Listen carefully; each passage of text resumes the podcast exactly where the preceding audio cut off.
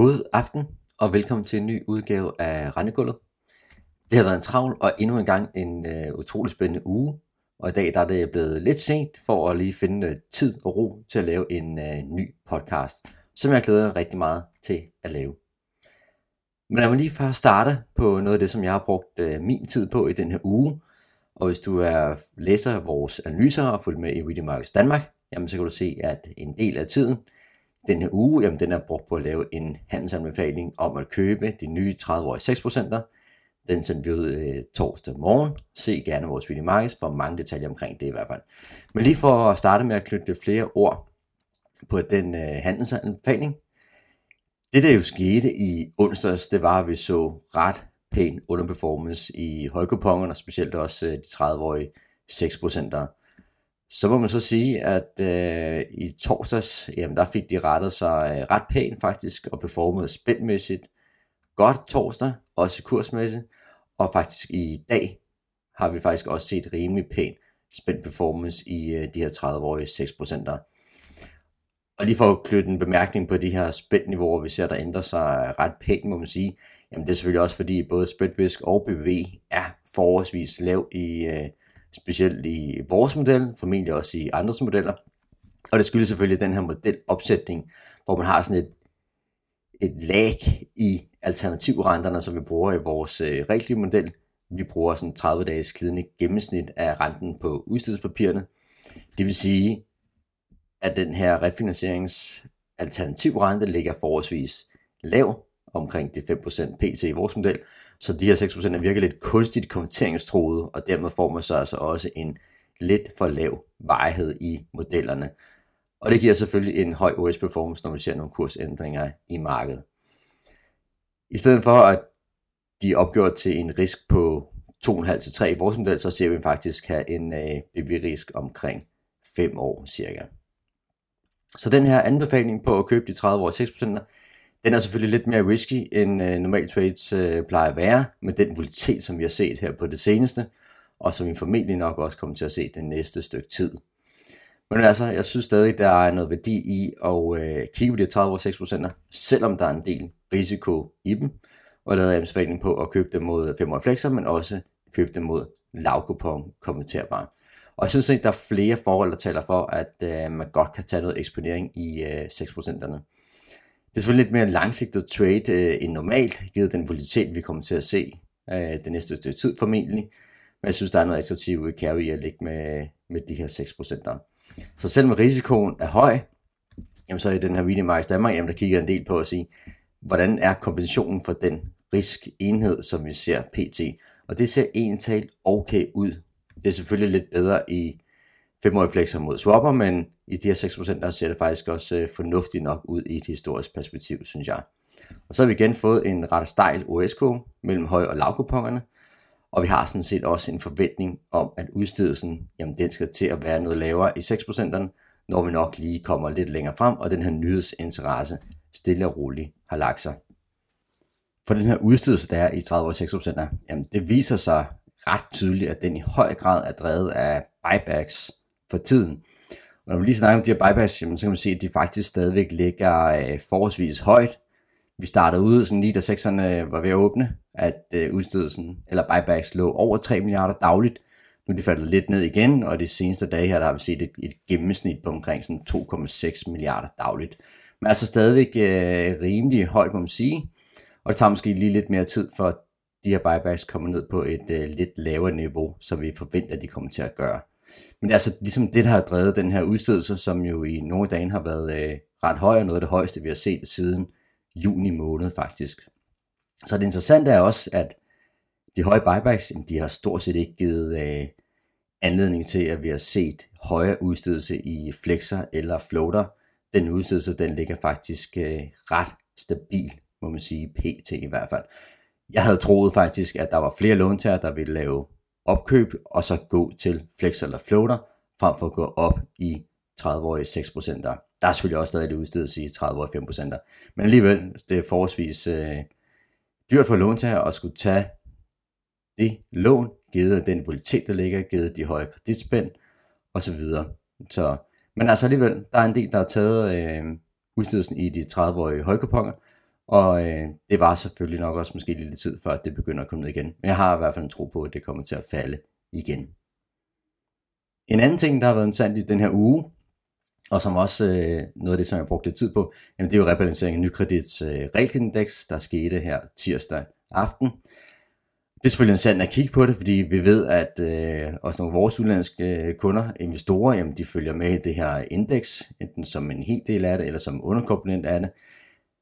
Men det er selvfølgelig også interessant, at nykredits indeks, jamen det bruges til at lave VA-beregning for pensionskasser, for de pensionskasser, der vælger at bruge det altså til ekstra diskonteringsfaktor for deres øh, passiver. Når vi får en omlægning af nykredits indeks, som giver en lavere OA yield, jamen så betyder det også, at VA-tillægget skal falde en smule deraf. Og det er lige præcis det, vi så. Vi så to lavkupon kommenterbare, halv 50'er og halv 40 ryge ud af indekset, og en i stedet for kom 1,25 apriler og 1,27 april flexer, som jo alt den er lige handler med en lavere yield og også en lavere OA yield, når vi laver den korrektion. OA yielden, jamen den faldt faktisk øh, 19 basispunkter. En del af det skyldes også, at vi så den dag i hvert fald en rimelig pæn performance øh, i kommenterbar. Næste repræsentering, det er til januar måned, og når de sidder og kigger på det, jamen så kan man måske godt forestille sig, at det kunne give et øh, comeback til halv 40 og halv 50.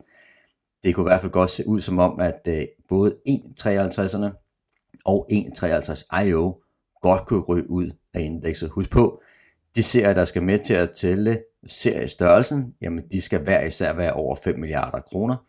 Og der har 51 og 1,53 IO, altså lige to serier, hvor at udstående mængde lige præcis er lidt over 5 milliarder, og der er altså et risiko for, at de kan blive opkøbt tilpas meget, således at udstående mængde falder under 5, og dermed falder seriestørrelsen også et øh, pænt hak nedad. Men det bliver da lidt spændende at følge med i hvert fald, fordi hvis de her halver 40 og halv 50 kommer ind igen, jamen så får det selvfølgelig også en, øh, positiv påvirkning på e som vil stige, og dermed også føde ind igen i VR-tillægget, som vil så stige op til måske nogenlunde samme niveau.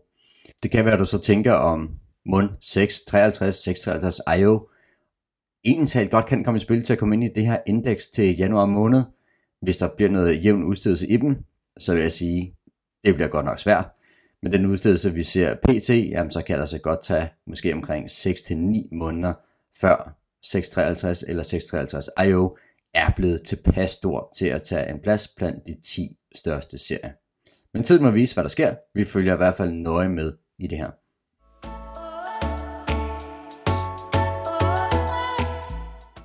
En anden ting, jeg vil komme ind på i dag, og som har fyldt en del øh, intern i vores bank, også snakke med journalister og andre, der følger markedet forholdsvis øh, tæt, men lige, måske et lille skridt væk, jamen det er sådan set at prøve at knytte nogle ord på og sige, hvorfor er realkreditrenterne, specielt de 30-årige konverterbare, egentlig steget så meget i forhold til statsrenter og andre renter, som vi kan se rundt omkring.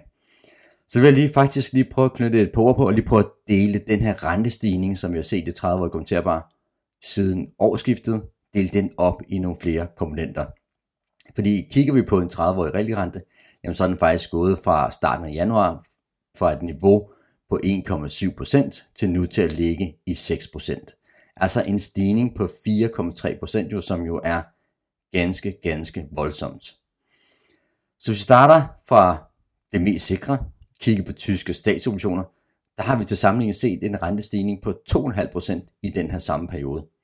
Så der er altså alligevel en ret stor forskel i, hvor meget tyske renter er steget med, og så hvor meget rigtigt renterne er steget med. Vi kan starte med at dekombinere lidt på den måde at sige, jamen hvad har spændet mellem danske statsrenter og tyske statsrenter ændret sig over den her periode?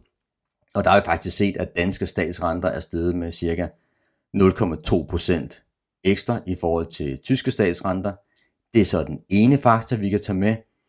Derudover så har vi jo, at både danske flexer, floater, kommenterbar jo er et swap-relateret produkt, og kigger på, hvordan swap-renterne er øget i forhold til danske statsrenter, jamen der har vi faktisk i 10-årspunktet set en stigning på 0,35 procent. Så en del oveni også. Og så på grund af den her salgspres, der har været i danske kommenterede obligationer, øget volatilitet, salg fra øh, spil udlandet også, men på seneste også pensionskasser, store outright øh, tab, meget lav risikovillighed i markedet generelt, jamen så har kreditspændet på 30-årige kommenterbare selvfølgelig også kørt en hel del ud, og det svarer til lige knap 1 procentpoint siden starten af året. Så det var faktisk en, en hel del faktorer, som betyder noget.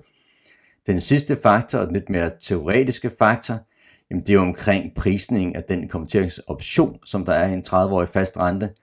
Når vi har stor usikkerhed i markedet, så er der som regel også en forventning hos markedsdeltagerne, at den næste periode også bliver ret usikker og volatilitet.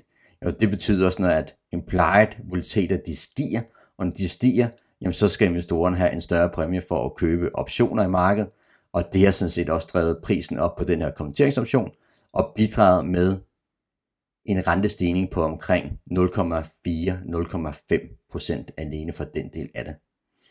Så det er altså rigtig mange faktorer, der gør, at øh, realkreditrenterne i 30 års punkt er steget med mere end 2,5% som tyske stater er, men snarere lidt over 4%. Hvad skal der så ske fremadrettet med realkreditrenterne? Jamen det er selvfølgelig super vanskeligt at forudsige den her tid, men dog kan man så selvfølgelig sige, at mange af de her faktorer, som har presset realkreditrenterne op, jamen de ligger allerede i dag på et utroligt højt niveau. Så skulle inflationen komme længere ned, det gør den nok på sigt jo, og vi ser mindre aggressive centralbanker, jamen så er der selvfølgelig mulighed for, at vi kan få lavere 30-årige realkreditrenter, selv hvis nu for eksempel tyske statsrenter eller danske statsrenter ikke skulle falde. Men hvad der er dyrt for låntag, det er jo sådan set billigt for investorerne.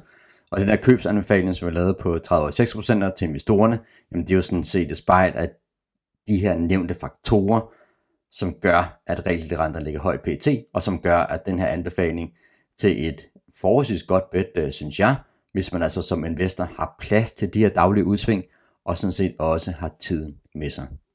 Det var alt for den her episode i dag. Er du så heldig at have ferie i næste uge i efterårsferien, så rigtig god øh, ferie. Vi er stadigvæk i gang i regelanalysen. Vi holder dog lige en lille pause med vores øh, Video Markets Danmark og også vores øh, Video Markets øh, Euro for den sags skyld. Men du vil stadig have mulighed for at lytte til en ny podcast på fredag. Tak fordi du lyttede med i dag, og rigtig god weekend.